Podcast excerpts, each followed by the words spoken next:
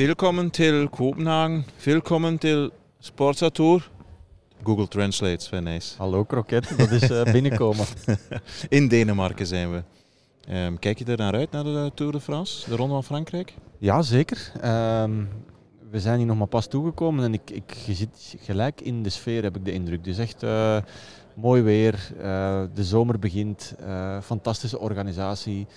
Um, ja, in een land waar ze een aantal vedetten hebben en dat zie je ook. Het enthousiasme in Kopenhagen de dag voor is eigenlijk al heel groot. Ja, we hebben gisteren ook naar de beelden gekeken op televisie, want mochten er niet bij bij de ploegenpresentatie. Heeft ook te maken met corona natuurlijk. Maar zes mensen per medium, dat begrijpen we. Gigantisch veel volk. En voor mij eigenlijk al een van de momentjes van deze Tour de France. Gaat ook in het overzicht terugkomen na drie weken. De tranen van Jonas Vingegaard. Ja, absoluut. Um, dat was emotioneel en, en uh, mooi om te zien. En vooral ook omdat het echt wel een jongen is die de afgelopen weken, en daar gaan we de komende weken nog vaak over hebben, getoond heeft dat hij potentieel heeft om de Ronde van Frankrijk te winnen. En dat weten de Denen. Het is wel een uh, kennerspubliek. Uh, los van Mats Petersen bijvoorbeeld, hè, die eventueel ergens geel zou kunnen pakken of voor groen zou kunnen gaan in het begin van uh, de ronde en zo verder. Geel staat daar wel boven en dan is Vinegaard wel hun man momenteel. Ja, dan ga ik daar op dat thema meteen al inpikken. Denk jij dat we een soort van vadermoord gaan krijgen binnen Jumbo-Visma? De oudere 30-jarige Roglic, maar de veel beter, denken we, op basis van de, de Dauphiné, klimmende Jonas Vinegaard. Hoe, hoe, hoe, denk je dat dat gaat Het is heel verlopen? moeilijk om daar echt een ja? voorspelling over, over te doen. In de Dauphiné zou je gezegd hebben, ja, het is Vinegaard die hier eigenlijk uh, Roglic moet meenemen uh, als het echt er hard aan toe gaat. Maar we zijn wel een aantal weken verder. Er is ook wat competitie aan toegevoegd, een extra hoogtestage, een ander moment in het jaar dit is waar Roglic naartoe geleefd heeft. En uh, ik ben benieuwd. Als het uh, op een bepaald moment echt tegen Roglic gaat keren, ja, dan gaan ze waarschijnlijk uh, wel de kaart van Vinegaard moeten gaan trekken. Maar ja, het is drie weken, het is nog heel lang. Er gaat nog heel veel gebeuren vooraleer we echt in het hooggebergte zijn. Ehm, Zie je daar een sterkte in van Jumbo-Visma? Want vaak wanneer er twee kopmannen zijn, welke koers dan ook, dan wordt dat altijd als een voordeel naar voren geschoven van ja, wij kunnen schaken en spelen met twee kopmannen. Maar goed, stel je voor een scenario zwaar op de, in de bergen, in de Alpen en de Pyreneeën. Je bent met drie vooraan, Pogacar, Roglic en Vinegaard. Hoe kan je dan kom afmaken met, laten we eerlijk zijn, de best klimmende mens ter wereld, Tadej Pogacar. Hoe kan je dat dan, als je met tweeën bent van Jumbo, dat uitspelen? Maar in eerste instantie sowieso, en dat hebben we vorig jaar al gezien, er kan altijd iets gebeuren met uw kopman. En dan heeft Vinegaard dat vorig jaar op een hele fijne manier ingevuld. En hebben ze toch wel echt een doel blijven hebben uh, voor geel, of toch wel belangrijke concurrent kunnen blijven van Pogacar. Dus los van um, hoe ga je Pogacar verslagen met z'n tweeën, er kan altijd met één van je kopmannen iets gebeuren. En in het geval van Pogacar, ja, dan is het over. Um, bij Jumbo hebben ze wel een alternatief. En dat is wel op zich een heel goede situatie. Um, en natuurlijk goed, als je die goede prestaties vorig jaar van Vinegaard, hij deed hem zelfs eventjes pijn op de flanken van de Van toe. Dat voedt natuurlijk ook wel intern de ambitie van zo'n Jonas om ja, een beetje de rol van Froome in 2012, de betere klimmer van Wiggins. Maar op papier moest Wiggins winnen. En op dit ogenblik heeft Roglic nog altijd die status, ietsje meer. Hij blijft denk ik met een streepje voorsprong de kopman op Vinegaard. Hè? Ja, het zou misschien wel kunnen. Het grote verschil is wel dat Roglic ook geen Nederlander is in een Nederlandse ploeg waar de druk dan misschien nog iets groter zou zijn. Moest het bijvoorbeeld Kruiswijk zijn of een Dumoulin, noem maar op. Dan ligt dat toch iets gevoeliger. Nu denk ik dat ze echt de kaart van de sterkste gaan trekken. En als op een bepaald moment blijkt dat dat Vinegaard is, dat ze die keuze wel zullen gaan maken. En, en dat zou ook het mooiste zijn. Uh, als je echt uh, met de handrem op uh, je kopman moet naar uh, naar de finish slepen. Dat is niet wat de mensen willen zien. En ik denk ook dat dat uh, niet de intentie is van, uh, van Jumbo-Visma. Even terug naar Denemarken. Op voorhand, ja, ook toen wij vertrokken naar hier, veel mensen in je vriendenkring die vragen van Denemarken, een ronde van Frankrijk, die, die schrokken, die de koers wel een beetje van op afstand volgen, maar niet goed wisten het start in Denemarken. Wat gaan ze daar in hemelsnaam zoeken? Ja, de centen uiteraard. Daar draait het om. Maar als je dan het begin ziet, en we nemen deze podcast op op donderdag voor de eerste etappe. Het kan goed zijn dat er morgen klein miljoen mensen Denen langs de kant van het parcours staat. Uh, voorafgaand, hè, die ploegenpresentatie, enorm enthousiast. Deed mij terugdenken aan 2007, Londen. Geweldig veel volk. Dus het, het is bij voorbaat al bijna geslaagd. Ja, dat dacht ik net te zeggen. Londen zal een goed voorbeeld geweest zijn. En ik denk dat... Ik heb het geluk gehad om hier vier of vijf keer de Ronde van Denemarken ah, te mogen fietsen. Ehm, in een andere periode en natuurlijk veel minder belangstelling. Maar qua wegen, qua belangstelling en populariteit is wielrennen hier echt wel ehm, ja, een sport waar mensen voor buiten komen. En als je dat parcours bekijkt, ehm, uiteraard vanuit de hoofdstad Kopenhagen, die tijdrit, dat opbouwend naar die verschillende eilanden, naar het vasteland toe, over die bruggen, met de wind die speelt langs het water. Uh, qua het visuele gaat fantastisch zijn, de wegen mhm. zijn mooi en we gaan attractieve koers krijgen. En, en uh, daar kijk ik echt wel naar uit. En ik vind het op zich niks mis mee om, als het allemaal qua, qua vervoer en verplaatsingen mogelijk is, om daar een uitstap te gaan doen. Hè. We krijgen dat volgend jaar ook uh, als we naar Spanje trekken. Dus, uh, Wat ja, herinner je nog van je eigen rondes van Denemarken? Was altijd in, in, augustus, denk ik. Hè? Altijd in augustus, inderdaad. Voorbereiding voor, voor de cross, maar wind, uiteraard. Hè. Toen, ehm, als kopman Rolf Seurensen hebbende, mocht ik toen ook vaak uh, in de rij mijn werk doen. We hebben hier, ik heb het geluk gehad om één keer met Rolf de, de ronde te winnen. Ja, um, maar die nervositeit uh, naar die stroken waar de wind echt vrij spel krijgt. Ja, dat is wel wat de mensen willen zien in de eerste week van de Tour. Hè. Die waaiers die hier mhm. echt wel kunnen gaan, uh, gaan opspelen. Het weer gaat toch een klein beetje veranderen. Kans op wat regen die toch wel zal gaan opdoemen straks naar het weekend toe. Dus ja, ik kijk daar wel naar uit. En, en uh, er zijn een aantal uh, ronden van Frankrijks waar ik toch ook wel altijd met, op het puntje van de stoel zat als we Brugge in, in de buurt van de Pau de Saint-Nazaire en zo verder hebben gehad, waar ook een tijdrit is geweest. Lance Armstrong die daar tegen ons heel en zo. de ploeg uit elkaar fietste het hoort bij de Tour. En, en daar hebben ze hier wel een aantal stroken voor klaar liggen. Ja, Tour is spektakel natuurlijk. Hè. Dat is daarvoor dat de mensen kijken ook. Ja, voilà. Ik hoop vooral, als je dan terugkijkt naar de Ronde van Frankrijk vorig jaar, dat we die extreem zware valpartijen, dat we die nu eindelijk eens een klein beetje achterwege kunnen laten. Maar de druk van groen, geel uh, en zo verder, ritwinst, is zo groot in de Tour dat we daar rekening moeten mee houden. Uh, ik denk dat uh, qua veiligheid het parcours hier, uiteraard smalle wegen hier en daar, maar mooi asfalt, um, dat dat wel beter gaat zijn dan wat we vorig jaar hebben gezien in de eerste week. Over veiligheid, want we gaan niet het hele parcours al in deze eerste aflevering bespreken, maar over veiligheid gesproken. Die kasseien-rit, welke waarde hecht jij daaraan? Um, hoort dat thuis in de Tour? Wat kan er daar gebeuren? Ja, veel. Er kan je kan de Tour verliezen, hè, zegt iedereen bij ja. Huizen Hoog Cliché, maar dat klopt ook wel natuurlijk. Je kan daar de Tour verliezen. Dat is niet voor het eerst dat de Tour verloren wordt in de eerste week. Uh, denk maar, we hebben het er gisteren nog toevallig over gehad. Passage du Gois. Ja. Uh, moet dat dan in de Tour zitten? Uh, je weet dat dat glad gaat zijn, dat dat een risico is. We hebben al een aantal kassei-ritten gehad in het verleden, de laatste jaren. Herinner maar Froome, zelfs voor hij de kasseien opdook, mm al nerveus werd, slechte weersomstandigheden en zo verder.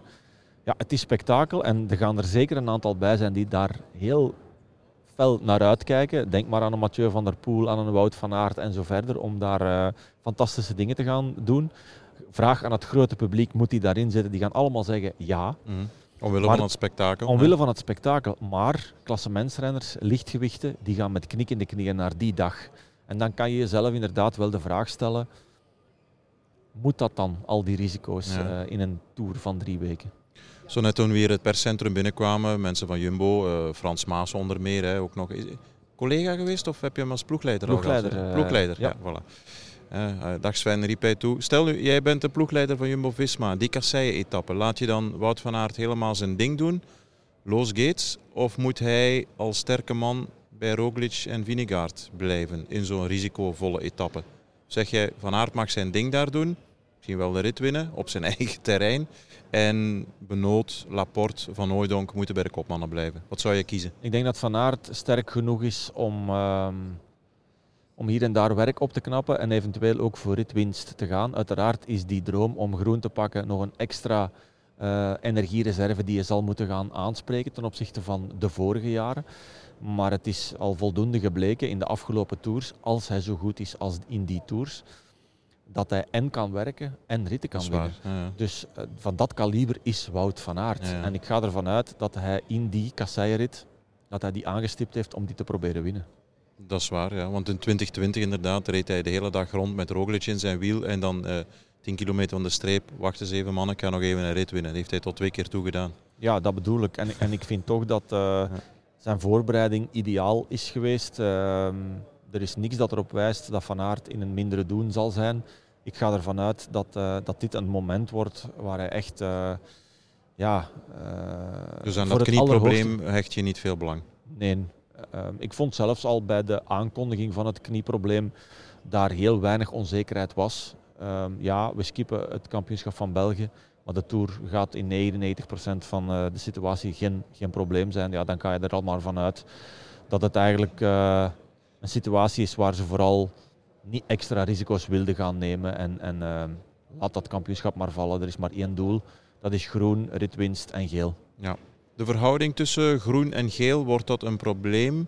Kan dat een probleem worden binnen Jumbo? Of nee, komen we dan terug op dezelfde redenering? Hij is sterk genoeg om zijn eigen ding te doen, maar ook nog in dienst van de ploeg te rijden. Ja, ik denk dat dat geen probleem uh, mag zijn. Ik denk dat de ploeg echt uitgebalanceerd is, heel sterk is. En als er één renner is die zijn eigen weg kan kiezen, dan is het Wout van Aert dat is al van toen hij nog bij Nick Nuyes fietste. Ehm, en, en het veel moeilijker zou moeten hebben om positie in te nemen in, het, in de kop van de koers. Denk maar aan Strade Bianchi toen in die periode. Het is niet evident om als tussen haakjes kleinere ploeg je plaats af te dwingen. Maar Wout van Aert sloeg daar iedere keer in. Zat altijd op, het, op de goede plaats, op het goede moment. Dus hij heeft niet heel veel mensen rondom hem nodig. Uiteraard voor een massaspurt en daar je brengen is een ander verhaal soms. Maar ik ga er toch vanuit dat Van Aert uh, daar de neus en de capaciteiten voor heeft. Ja. Is er ergens iemand die hem zou kunnen bedreigen voor groen? Ik denk persoonlijk van niet, maar een Matthews doet wel mee in die kleine sprintjes. Ja, en Sagan zal dat ook gaan doen, zo'n beetje ja, hussel en wat vechten, maar uiteindelijk Sven, ja. In principe staat hij daarboven, mm maar ik vraag me toch stiekem af, misschien samen met een aantal andere mensen, wat met Mathieu van der Poel? Gaat hij dan echt niet voor die groene trui gaan als hij daar op een bepaald moment in de buurt komt en zich toch beter voelt dan verwacht? Misschien gaan ze wel met die intentie van start, maar keert... Zeggen ze het niet op dit ogenblik, hè? Maar ja, En, en, en, of keert gewoon de situatie en denkt hij van, hé, hey, waarom ook niet? Dus, En ik denk dat Van Aert dat zelf ook wel beseft. Ja, ja. Net omdat het die eeuwige strijd is, Wout, Mathieu, de familienamen worden bij dat duel nooit uitgesproken. Alleen maar iedereen weet Wout, Mathieu, Mathieu, het is, Wout. Het is het verhaal van de laatste vijf, zes, misschien wel, wel langer van bij de nieuwelingen eh, is dat al aan de gang. En we hebben dat vorig jaar een aantal keer opnieuw gezien in de Tour, hè, waar, waar ze een fantastische eerste helft van de Tour hebben, hebben gereden. Eigenlijk heel die Tour op zijn kop hebben gezet. En als dat zich nog eens kan herhalen in drie weken vechten voor groen, ik zou er wel van smullen. Want dat is natuurlijk een beetje ook die, die psychologische vraag. Hè. Vindt, welke waarde hecht Mathieu van der Poel daaraan? Dat zijn eeuwige concurrent als eerste van de twee zeg maar, het groen mee naar huis gaat nemen, op die erelijst staan. En hecht hij meer belang aan het, ritten, winnen van ritten? Of zoals jij zegt, ja, houden ze het een beetje stil, maar is dit ook wel uitgesproken? Dag 10 zullen we evalueren en dan plots oei, we staan op 20 punten, uh, punten, we gaan toch meedoen. Nou, ik denk dat het eerste doel altijd moet zijn proberen van ritten te winnen. Dat gaat ook wel wat druk wegnemen. Mm En dan komt het vanzelf. En dan komt het vanzelf, dan sta je in die positie, zeker in die eerste week. En dan is het de vraag, hoe voelt hij zich? Uh, welk werk heeft hij voor anderen moeten opknappen en zo verder? Want Philipsen gaat daar natuurlijk ook een heel belangrijke rol spelen. Die mhm. gaat ook waarschijnlijk wel richting groen gaan. Uh, er wordt niet gespeurd met Mathieu van der Poel, dat wordt dan gezegd. het is al voor Philipsen en misschien ook wel terecht. Hij heeft de snelste benen in een massaspurt. Maar hoe keert dat? Eh, wat gebeurt er in al die spurten? Zijn er valpartijen? Wordt er op bepaalde momenten uh, toch een andere kaart getrokken dan Philipsen die, die ingesloten zit en zo verder? Dus, dus het onvoorspelbare van de Tour. Maar ik denk dat Mathieu van der Poel wel het potentieel heeft om ook voor groen te gaan. Voilà. Over de andere Belgen. Um, as we speak op dit ogenblik, wanneer we dit opnemen, is het uh, donderdagmiddag. Dus of Van Avermaat alsnog als reserve invalt, weten we niet. Wat we wel weten is dat zijn reservefietsen al in Frankrijk zijn. Dat is gewoon administratief praktisch uit, uh, uit veiligheid. Van Aert besproken, Philipsen besproken, wat met de andere mannen. Een benoot alleen maar in dienst van het team gaat hij eens een dag een vrijgeleide krijgen. Wat met Oliver Naassen, Stan de Wulf, in dienst van O'Connor. Zijn de andere Belgen allemaal in dienst van? Of ja, hoe zie je dat? Ja, um, buiten Teuns. Ik denk dat uh, Dylan Teuns mhm. absoluut wel een jongen is die ook al gebleken in het verleden een rit naar zich toe kan trekken. Fenomenaal wat hij de afgelopen jaren een paar keer heeft laten zien. Twee Herinner al gewonnen. La Planche de Belfi. Daar gaan we ook terug naartoe. Natuurlijk, alle ogen gaan daar op hem gericht zijn. Maar er zijn ook andere mogelijkheden. En, en ik denk dat hij echt naar deze periode heeft toegeleefd. En, en ook in staat is om daar in een lastige bergrit ehm, een rit te gaan winnen. Dus daar kijk ik wel naar uit.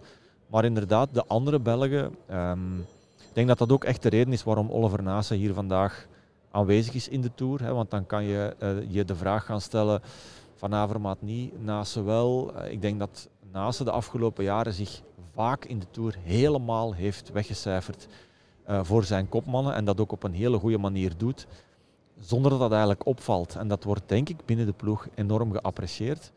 Uh, ik zeg niet dat Van Avermaat dat niet kan. Van Avermaat heeft ook net dat tikkeltje meer ambitie om, mm -hmm. uh, om voor etappenwinst te gaan. In deze Tour zou dat waarschijnlijk wel een aantal keer mogelijk geweest zijn. Er zijn wel uh, ja, ritten waar, waar hij echt tot, tot, tot zijn recht zou kunnen komen. Maar in de Dauphiné dan misschien net dat tikkeltje minder bergop fietste. Ja, en dan zijn de plaatsjes wel heel duur. Ja, want Naasten heeft er inderdaad jaren een stuk voor Romain Bardet gedaan natuurlijk. En moet nu weer in die vlakke etappes bij O'Connor goed uh, leiden natuurlijk. Um, Oké, okay, en een stand, ja, bij de mannen van Lotto, een Florian Vermeers, een, een Brent van Moer en zo, die zullen wel hun eigen kansen mogen gaan. Ik vind Florian Vermeers uh, heel sterk voor de dag komende de afgelopen weken. Maar we mogen niet vergeten dat dat in een ander niveau koersen was. Eh, ik denk dat uh, Lotto Soudal er vooral voor gekozen heeft in de maand mei en juni om zoveel mogelijk punten ja. te gaan sprokkelen in koersen waar ze daar de mogelijkheden voor hadden. Dat waren niet altijd de grootste koersen. Ik denk dat ze de juiste keuze hebben gemaakt, want dat geeft hen de mogelijkheid om in de World Tour te blijven. Maar we komen, en, en daar kunnen ze de koers naar hun hand zetten, vaak. Dat is ook gebleken. Maar nu komen we wel in de Ronde van Frankrijk op het allerhoogste niveau. En dan gaan ze iets meer moeten gaan ondergaan, denk ik, en de juiste momenten gaan kiezen. Maar ze hebben wel een aantal renners die in staat zijn om daar een finale te rijden en eventueel een rit te kunnen gaan winnen. Ja. Uh, en, en daar is Florian Vermeers wel eentje van. En met Ewan hebben ze daar ja, een van de snelste mannen van het peloton. Voilà. Tot slot, um, hoe zie je het aflopen? Ik, bedoel, ik ben zelf geen voorstander van pronostieken, maar nee. wordt er een derde keer op een rij onze vriend Pogacar? Het is drie weken, hè. er gaat heel veel gebeuren. In principe, op papier, is Pogacar de, de beste, beste, man. Ja. Um, er is niks dat erop wijst dat daar uh, barstjes in zijn karkas uh, zijn opgetreden de afgelopen weken. Eigenlijk is het uh, dezelfde voorbereiding geweest als de afgelopen jaren. Zit in goede doen. Um, ook daar is wel corona binnengeslopen hè, de afgelopen dagen. Ze missen daar ook al hier en daar een pion en een klein beetje onzekerheid. Dus wat gaat er allemaal op ons afkomen? Maar in principe, als ik nu moet aanduiden wie is de grootste favoriet, wie heeft, maakt de grootste kans, ja, dan moet ik toch zeggen Pogacar. Ja. We gaan ook de komende drie weken telkens weer met jou en met Serge Pauls uh, voor Sporza.be met de radio een podcast opnemen, s'avonds na de etappes, Sven. En ja, we gaan dagelijks proberen ergens iemand een pluim te geven. Hè. Niet alleen de winnaar, maar iemand die iets opvallends gedaan heeft of waarvan je zegt dat was nu chic of dat was knap. Um, en misschien ook een beetje ja, de, de, man die onder de verwachtingen is uh, gebleven in de Tour. Voilà, en het is... Uh, Smiddags, we krijgen nu net het bericht dat uh, Greg van Avermaat niet naar de Tour komt. Dus jammer van die reservefietsen. Maar goed, um, ja. hij was van plan om naar Spanje te gaan, daar te trainen op uh, weg naar de TRW.